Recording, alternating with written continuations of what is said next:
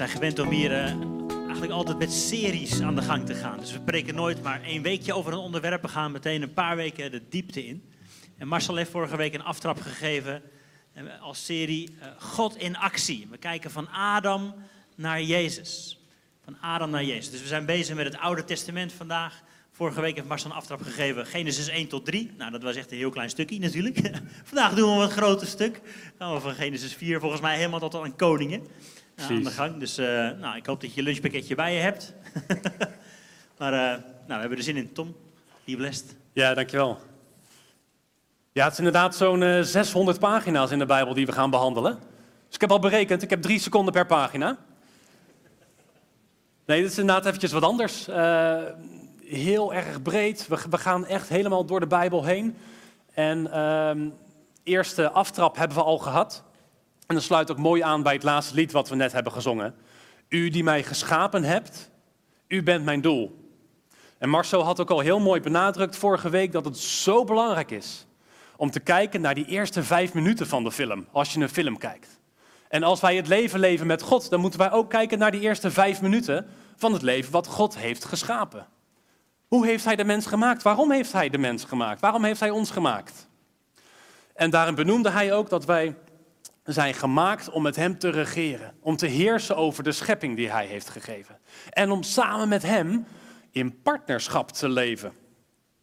En hij noemde ook een, mo een mooi woord daarbij. We leven dan in arumin met God. En dat was een soort van vrede, een openheid en een, en een transparantie met God. En dat is waarom God in actie is gekomen. Want we lezen ook dat het allemaal verkeerd is gegaan. Wij als mensen hebben dat partnerschap verbroken, doordat we het zelf wilden doen. En God kwam meteen al in actie. Hij maakte al meteen kleding voor de mens. Dat was onze allereerste, allereerste actie, allereerste aanzet om weer die relatie te herstellen tussen mens en God. Maar daarna bleef hij in actie. En wat ik nou zo boeiend vind is dat het nogal een lang verhaal is. Want hè, als je uitgaat van dat Adam en Eva 6000 jaar geleden zijn gemaakt, dan is pas na 4000 jaar heeft hij Jezus gestuurd. En in die tijd, in die 4000 jaar, zijn we al allemaal verschillende hoofdstukken langs gegaan in het grote verhaal van God. En we gaan deze keer, nou ja, dus 600 pagina's doornemen.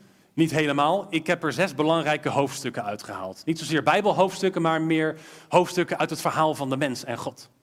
En daarbij gaan we langs Noach, gaan we door naar Abraham. Dan komen we uit een Egypte in slavernij. Daaruit werd de mensheid bevrijd door Mozes en toen kwam de wet. Daarna kregen we de tijd van de rechters of de richteren. En waar we vandaag afronden is bij de koningen, bij koning David. En als we dat zo doorlopen, dan lezen we daarin vier verschillende verbonden die God sluit met zijn volk. We zijn al wel wat bekend met het nieuwe verbond of Nieuwe Testament en het oude verbond, maar er zijn veel meer oude verbonden. En een verbond is iets wat God initieert. God zegt, mensen, luister eens, ik ga met jullie een deal sluiten. Ik zal dit voor jullie doen. En soms laat hij het daarbij, is het onvoorwaardelijk. Hij gaat het sowieso doen. En soms zegt hij, als jullie dit doen, dan zal ik dat voor jullie doen. En hier zien we ook een mix van, van verschillende verbonden naar boven komen. Onvoorwaardelijke verbonden en voorwaardelijke verbonden. En de grote vraag die ik heb, als ik hier zo over nadenk, waarom heeft het nou 4000 jaar geduurd voordat Jezus kwam? Is dat nou efficiënt? Ik hou van efficiëntie. Maar dit klinkt voor mij niet heel erg efficiënt. Was God dan een beetje aan het aftasten van, oh ja, ik, ik, ik probeer eerst dit uh, plan. Oh man, dat werkt niet. Nou goed, heb ik van geleerd. Versie 2. Ik ga nu dat proberen. Oh, dat werkt weer niet. God is daar natuurlijk niet door verrast. Hij vond het blijkbaar nodig om er 4000 jaar over te doen. En ik denk dat dat is om meerdere redenen. Dus eerste reden, om zichzelf kenbaar te maken aan ons. Hij is een God die wil dat wij hem kennen. En daarvoor zien we dat hij dus ook verschillende, op verschillende manieren actie heeft ondernomen. Puur zodat wij als mensheid ook, als het ware, opgevoed mogen worden. Dat is ook een beeldspraak wat we op verschillende plekken tegenkomen in de Bijbel. Ik vind het een hele interessante. Dat wanneer de mensen waren gemaakt, waren we als het ware een baby. De mensheid was een baby en kon nog niet echt goed zelf beslissingen maken. Was best wel dom eigenlijk. En uh, gaandeweg leren we steeds meer, krijgen we meer geschiedenis en krijgen we ook steeds iets meer verantwoordelijkheid van God. Waardoor we steeds dichter bij Hem weer kunnen zijn en steeds verder in partnerschap met Hem kunnen leven. Dus het duurde zo lang, denk ik, omdat God de hele mensheid heeft opgevoed, zodat wij onszelf leren kennen. En omdat God zichzelf wilde laten kennen.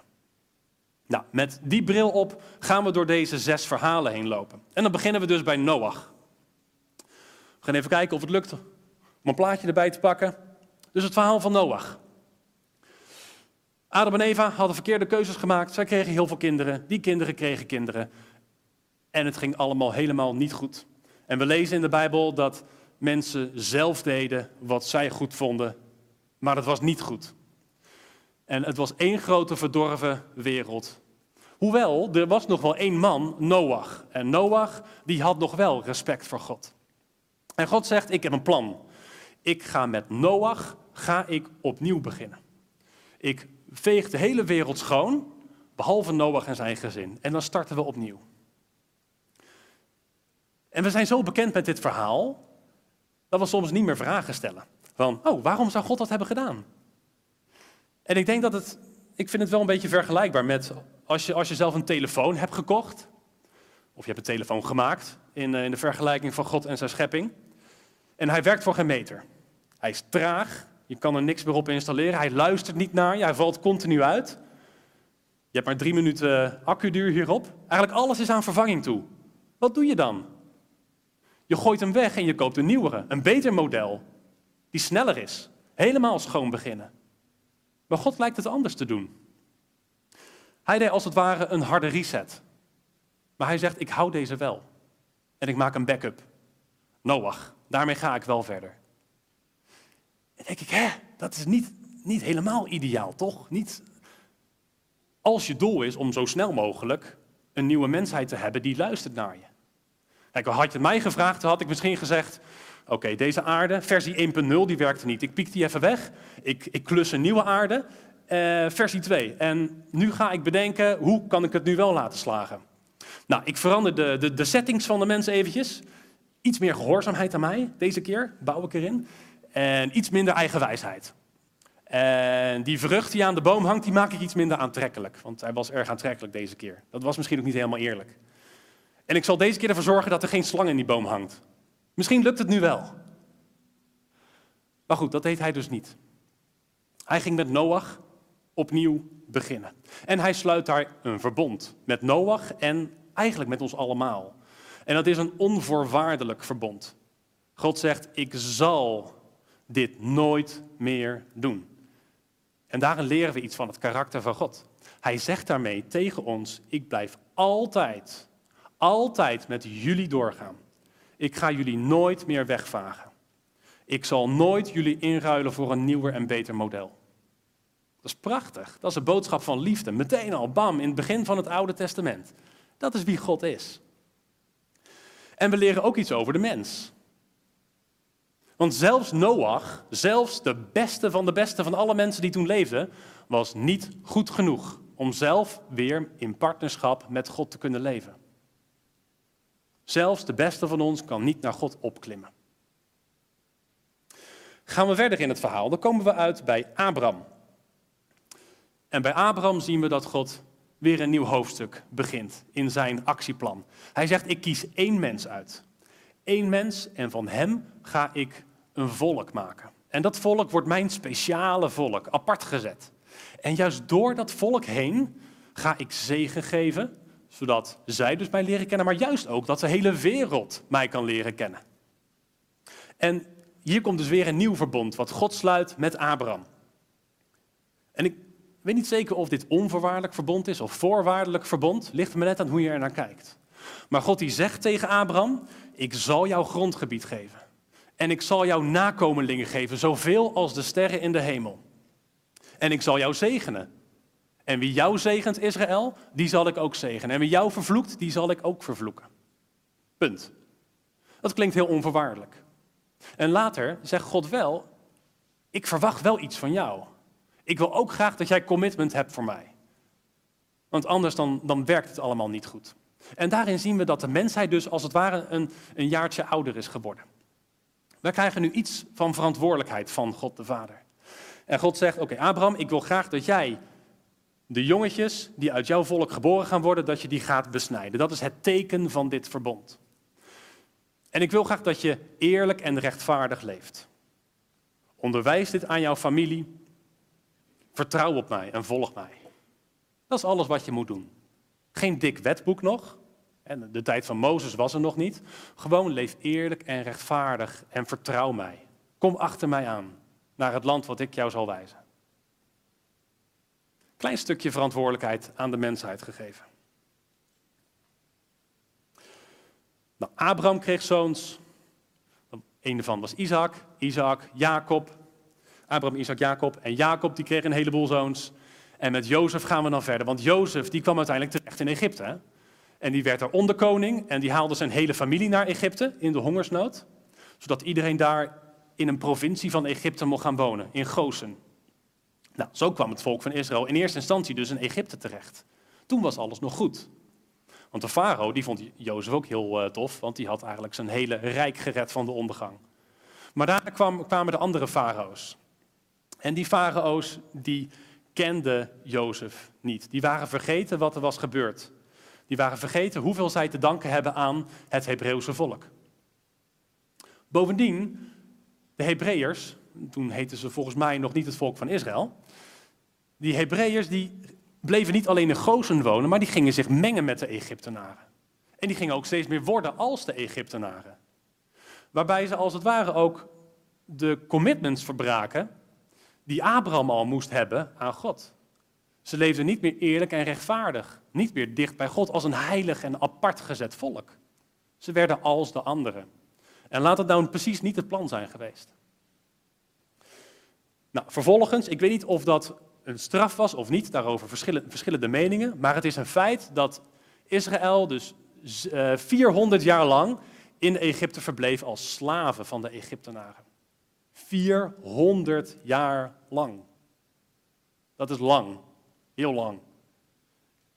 En God had het al gezegd tegen Abraham, van ik geef jou een volk, let wel, ze zullen wel 400 jaar een ander volk dienen. Dus God die wist het al lang dat het ging gebeuren.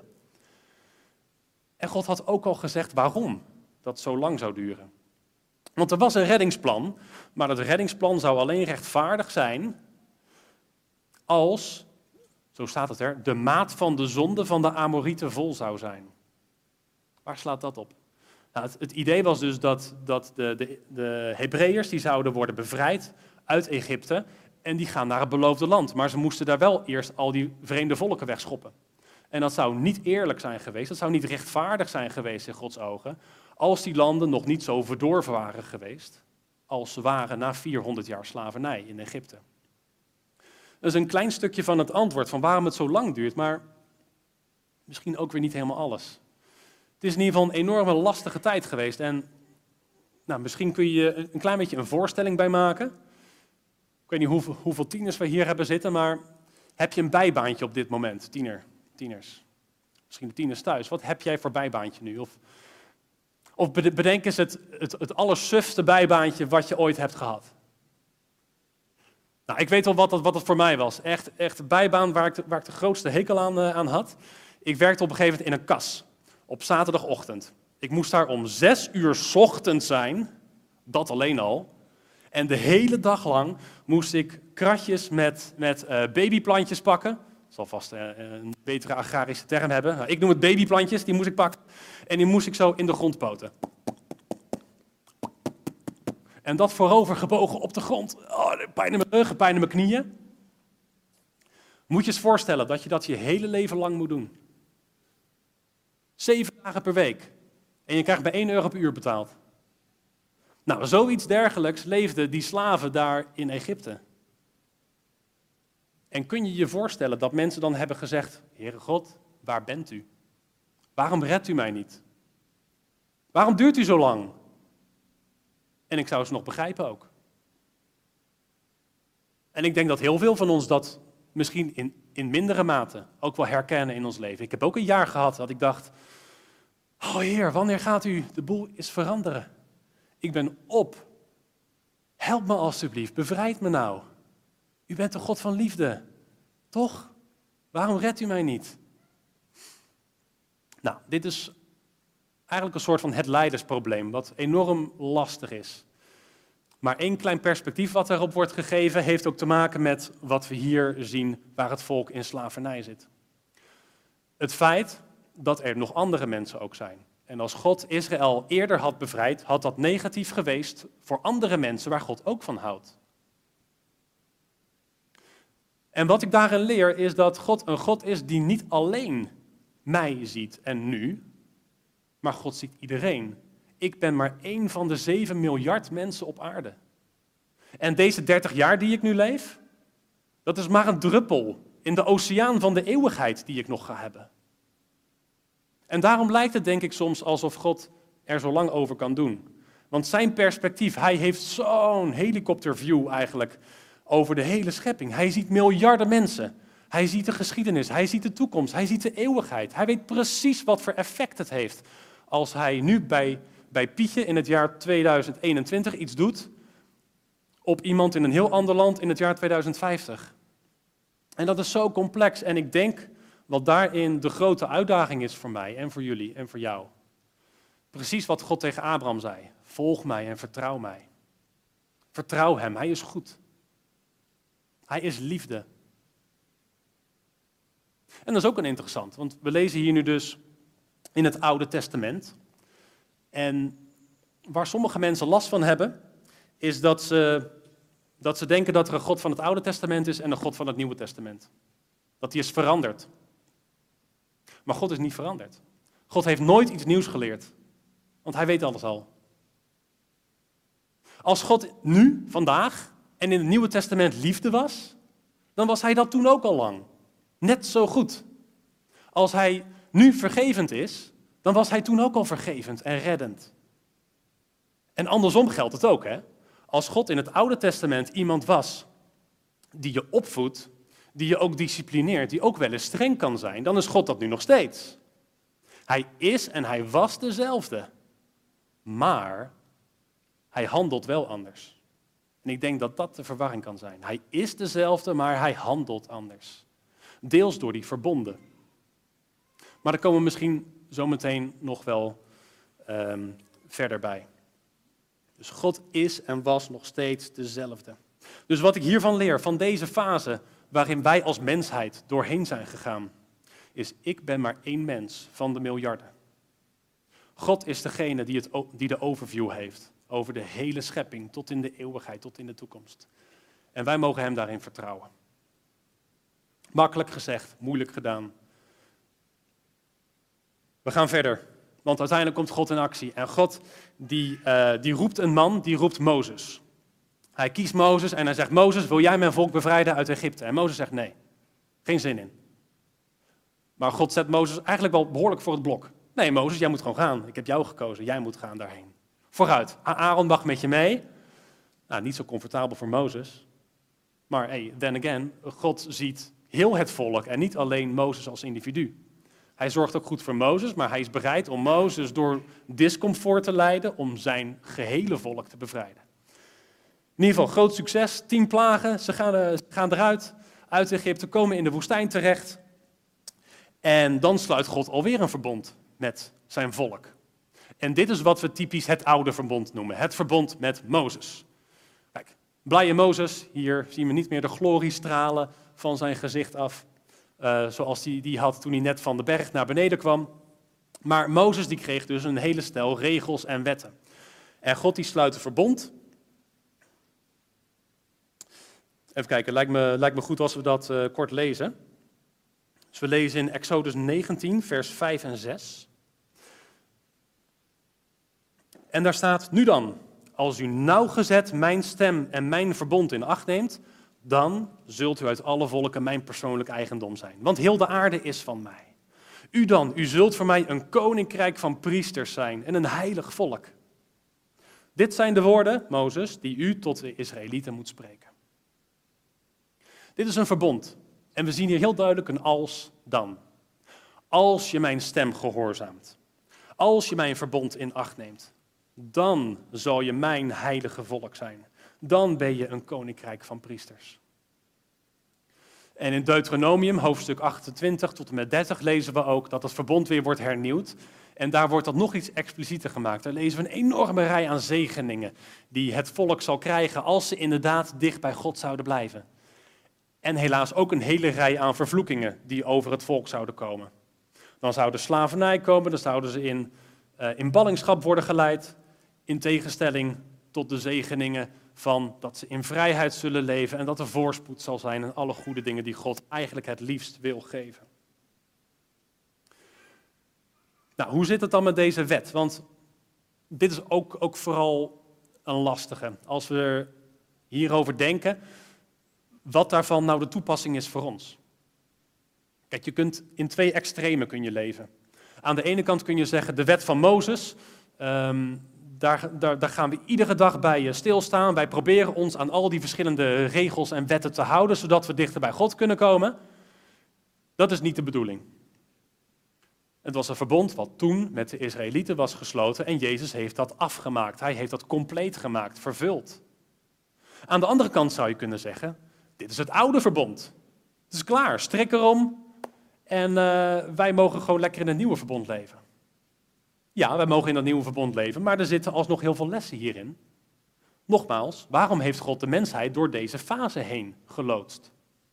Het was niet dat God dacht, laat ik eens proberen om ze 613 wetten te geven. Kijken of ze die kunnen houden. Misschien lost dat het probleem op. Ah man, het lukt ze weer niet. Oké, dan weer een ander plan. Het heeft zijn nut gehad. Onder andere dat wij dat kunnen lezen en dat we mogen leren van onze mensheid, van onze geschiedenis. En het Nieuwe Testament spreekt dan soms ook best lovend over die wet. Zoals in Romeinen 7 bijvoorbeeld. Zo dan is de wet heilig. En het gebod is heilig en rechtvaardig en goed. Dat zegt de Romeinen. En in Galaten, daar wordt ook heel, heel duidelijk nadruk gelegd op dat we niet door de wet rechtvaardig kunnen worden. Die partnerschap met God, zoals mensen gemaakt waren in Genesis 1 en 2, daar komen we niet in terug door de wet na te leven. Nee, zo niet. Maar de wet heeft wel echt een functie gehad. En dat wordt ook weer omschreven uh, in, in bewoordingen van opvoeding. De mensheid was in het begin een onmondig kind, staat er, een baby, iemand die nog niet kan praten. En in die tijd zaten we nog niet direct in verbinding met God de Vader, maar hadden we een, een andere, een tijdelijke opvoeder. De, de pedagogos is dan het Griekse woord wat er staat. Mensen, sommige mensen kennen het woord pedagoog wel, een opvoedingsdeskundige. En die wet die was er om de mensheid te beschermen tegen zichzelf als het ware. Dit zijn de kaders waarbinnen je moet blijven. Daarbinnen is het veilig. Daarbinnen kun je, kun je doen wat je wil en kun je goed opgroeien. Tot de tijd dat de tijd rijp was. De, de, de volheid van de tijd was aangebroken, staat er dan. Toen zei God, ik stuur nu mijn zoon, zodat hij ons vrij kon kopen van de wet. Zodat wij kinderen van God de Vader kunnen worden. En dan kunnen wij papa, vader tegen hem zeggen. Dus de hele mensheid is door dat proces gehaald, juist dat proces van 4000 jaar, zodat wij nu God met papa, vader kunnen aanspreken. De wet heeft zijn doel gehad om mensen op te voeden. En er zitten nog steeds mooie principes in die wij kunnen naleven. Bijvoorbeeld de zondagsrust of het principe van zes dagen werken, één dag rusten. Dat is gewoon goed voor een mens. Daar mogen we ook nog van leren. Nou, wat leren we hierin verder over Gods karakter? God wil graag dat wij kiezen voor Hem. Hij wil, hij wil dat wij kiezen voor leven. Dat zegt hij op een gegeven moment ook, ook, ook tegen Mozes. Van, ik heb jullie leven voorgehouden en ik heb jullie dood voorgehouden. Kies dan toch het leven. Houd mijn geboden in acht. En als wij Jezus gehoorzamen, dan kiezen wij het leven. En dat is wat God wil. Dus wij moeten kiezen voor leven en voor gehoorzaamheid. Dat is wat God van ons vraagt. Gehoorzaamheid is nog steeds een nieuw-testamentisch principe. Zij het misschien op iets ander vlak. En over de mens, wat leren we over de mens? Nou, we hoeven die route in ieder geval niet meer te proberen. Dat is een doodlopend pad. De route van, ik ga gewoon zelf zo goed mogelijke dingen doen. Ik scoor genoeg punten en dan heb ik wel mijn relatie met God weer hersteld. Dat hoeven we niet meer te doen. God heeft het ons laten zien dat niemand dat kan. En dan komen we bij de volgende fase, de fase van de rechters. Of de fase van de richteren. Nou, dat is eigenlijk best wel makkelijk samengevat, wat daar allemaal gebeurde. Ja, we hebben verschillende rechters en iedere keer zitten we in, het, in dezelfde loop. Dus iedere keer, het volk van God leeft eerst in vrede. Maar dan worden ze ongehoorzaam, gaan ze andere goden aanbidden. God straft, straft zijn volk. Hij stuurt een ander volk om hen te overheersen. En vervolgens zit het volk flink in de penarie, dan bekeren ze zich, zeggen ze, Heere God, we hebben zo spijt, we gaan weer voor u leven, we doen die afgoden weg. Wij hebben weer toewijding voor u. En God redt hen weer. Er komt weer een rechter en die uh, schopt de vijand het land uit en ze leven weer in vrede. Tot ze weer comfortabel worden en weer hun eigen zin gaan doen. En weer allemaal andere goden gaan aanbidden. En dan hebben we het hele cirkeltje weer van vooraf aan. En dan word je zo moe van als je dat allemaal leest. Dan denk je, leren ze het nou nooit? Maar eigenlijk is het voor ons ook wel een beetje hetzelfde. Leren wij het nou nooit? Wat we in ieder geval wel leren is dat God zo verschrikkelijk geduldig is. God geeft talloze kansen, weer en weer, hoewel zijn volk eigenlijk continu vreemd gaat met hem. Telkens weer zegt God, oké, als jullie je bekeren, dan ga ik jullie weer redden. Dan ga ik jullie weer vergeven. En God straft ook. Niet omdat hij boos is en zich wil afreageren op zijn volk, maar omdat hij wil dat ze terugkomen. Dat is een goed middel voor hem om zijn volk op te voeden en weer bij hem te brengen. Maar werkt dat nou uiteindelijk? Nee. Misschien denk je, als wij nou maar meer kansen hadden, dan zouden we wel naar God kunnen komen, maar dat is niet zo. Al hadden wij duizend kansen, het gaat telkens weer fout. Dat is wat we leren over de mens. En we leren over God dat Hij zoveel kansen geeft. Hij straft, Hij vergeeft, Hij redt, want Hij wil dat wij terugkomen bij Hem. Nogmaals, om ons terug te brengen in die staat waarin de mensheid was, in de Hof van Eden om met Hem te regeren. Om in partnerschap met Hem te zijn. En dan lezen we in het laatste gedeelte van, van de rechters lezen we heel vaak deze zin. In die dagen had Israël geen koning. En iedereen deed wat goed was in eigen ogen. Zelf doen, zelf doen. Nou, dat is een opvoedingsfase die ik behoorlijk goed ken van mijn kinderen. Iets ouder geworden, je hebt je eigen wil. Ik wil het zelf doen en het lukt niet. En je moet ze telkens weer overeind helpen. En voor mij als vader de enorme, enorme uitdaging om geduldig te blijven. Oké, ik red je weer, waar je jezelf weer enorm in de penarie hebt geholpen. En daarin probeer ik dus ook het hart van God de Vader te weerspiegelen. Dat is de uitdaging voor vaders en moeders, om te doen zoals God met zijn volk doet, bij jouw eigen kinderen. Die onvoorwaardelijke commitment, maar wel die correctie hebben bij je kinderen. We komen bij de koningen. De fase hierna. We gaan naar David toe. Hoewel de eerste koning, Salomo, uh, nee, Saul, ik haal ze vaak door elkaar. Saul, de eerste koning, meh, was niet helemaal top. Überhaupt was het al niet Gods plan A dat het volk Israël koningen zou hebben, want God wil zelf de koning zijn van zijn volk. Maar Israël zei, God geef ons een koning, geef ons een koning. En dit is ook weer zo, zo, zo, verrassend, dat God zegt, eigenlijk wil ik dat niet, maar ik doe het voor jullie. Alsof God daarmee, net als een vader, kijkt naar zijn jonge kind en die wil per se een of ander stom plan uitvoeren. En hij denkt, oh man, dit, dit gaat niet werken. Maar goed, probeer het maar. Dan zie je tenminste dat dat niet werkt. Dan leer je ervan. Dus Israël kreeg een koning en die eerste koning was, mooi, niet helemaal oké. David wordt wel gezien als echt een hele goede koning. Niet omdat hij altijd deed wat God van hem vroeg. Hij heeft veel fouten gemaakt, maar toch was het een man naar Gods hart. Omdat hij zich telkens weer bekeerde en God toegewijd wilde zijn. En God vergeeft. Nogmaals, God is vergevend nu en in het Nieuwe Testament. Hij was dat toen ook al. Hij vergeeft David ook weer keer op keer. En hij zegt, David, ik sluit weer een verbond met jullie. Alweer een verbond. En over dat verbond lezen we in 2 Samuel.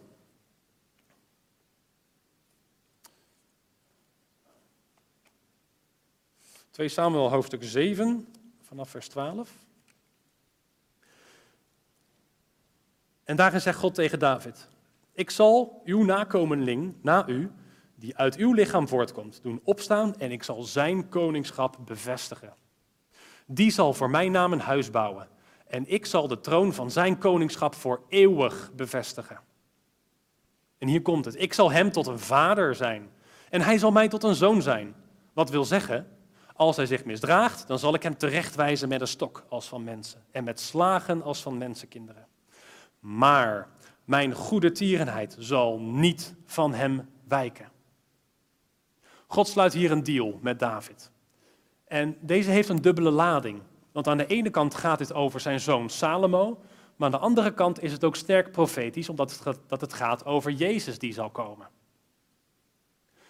En één bijzonder aspect wat er dus in staat, is dat God zegt, ik zal hem tot een vader zijn. En dat geldt niet alleen voor Jezus, maar dat geldt ook voor Salomo. En überhaupt is het, het beeld van God de Vader is al in het Oude Testament er. Het was niet radicaal vernieuwend dat Jezus zei dat God een vader is. Hoewel het nog iets minder prominent naar voren kwam. Omdat die wet dus die tijdelijke opvoeder was daar. Maar hier is God al een vader. En wat betekent dat dat God een vader is? Nou, hier staat dat. Als hij zich misdraagt, zal ik hem terechtwijzen. Ik zal hem straffen. Omdat God van hem houdt. Natuurlijk. Als je een goede ouder bent, dan zorg je ervoor dat je op een goede manier ook je kinderen straft. Zodat ze leren, zodat ze volwassen kunnen worden. Maar mijn liefde, mijn goede tierenheid zal nooit van hem weggaan. Ik blijf altijd aan hem gecommitteerd. Ik zal hem nooit weggooien. Nog een keer, Gods onvoorwaardelijke liefde die daar ook weer naar boven komt. Het zit er allemaal al in. In dat hele plaatje, in die 4000 jaar. We leren, God is een vader met alle aspecten van dien. Met hem kan gestoeid worden, met hem kan gelachen worden, gepraat worden en hij straft en hij vergeeft en hij omarmt. Hij is alles wat jij nodig hebt op dat moment. En de mens? Nou, voor de mens zien we dat er weer een stuk verantwoordelijkheid bij wordt gegeven. En er wordt een klein elementje hersteld uh, van wat wij hadden in de tuin van Eden. Namelijk dat wij mogen heersen. Wij mogen weer koning zijn. David was een koning. En ik denk dat, dat, ook een, dat het ook een soort hint is. Van het, het was altijd al de bedoeling dat jullie als koningen zouden regeren. Nu mogen jullie het weer een klein beetje proberen. Maar ik zal uiteindelijk wel de koning zijn boven jullie. En dat is die onvoorwaardelijke belofte die in dit verbond zit. Ik zal de ultieme koning geven, die alles goed zal maken. Die zal over jullie regeren.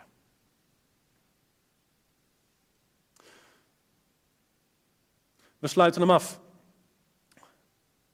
Dus het laatste plaatje mag er ook op. We hebben een hele, een hele loop door de geschiedenis gehad. En we zien daarin, God is onvoorwaardelijk aan ons toegewijd. Hij zal ons nooit wegdoen. Hij vraagt van ons om eerlijk en rechtvaardig te leven en om Hem te vertrouwen. Ook als het soms heel lang duurt voordat Hij ons redt. Want Zijn plaatje is zo'n groot plaatje. Vertrouw Hem. Hij is oneindig goed. Hij weet precies wat er allemaal aan de hand is. Hij zal ons keer op keer op keer op keer vergeven. En hij vraagt van ons gehoorzaamheid aan Hem. Want dat is de manier waarop wij ook weer bij Hem in partnerschap kunnen zijn. Niet dat wij het zelf kunnen oplossen, maar God is degene die de ultieme koning stuurt en Hij is degene die het voor ons gaat oplossen. Amen.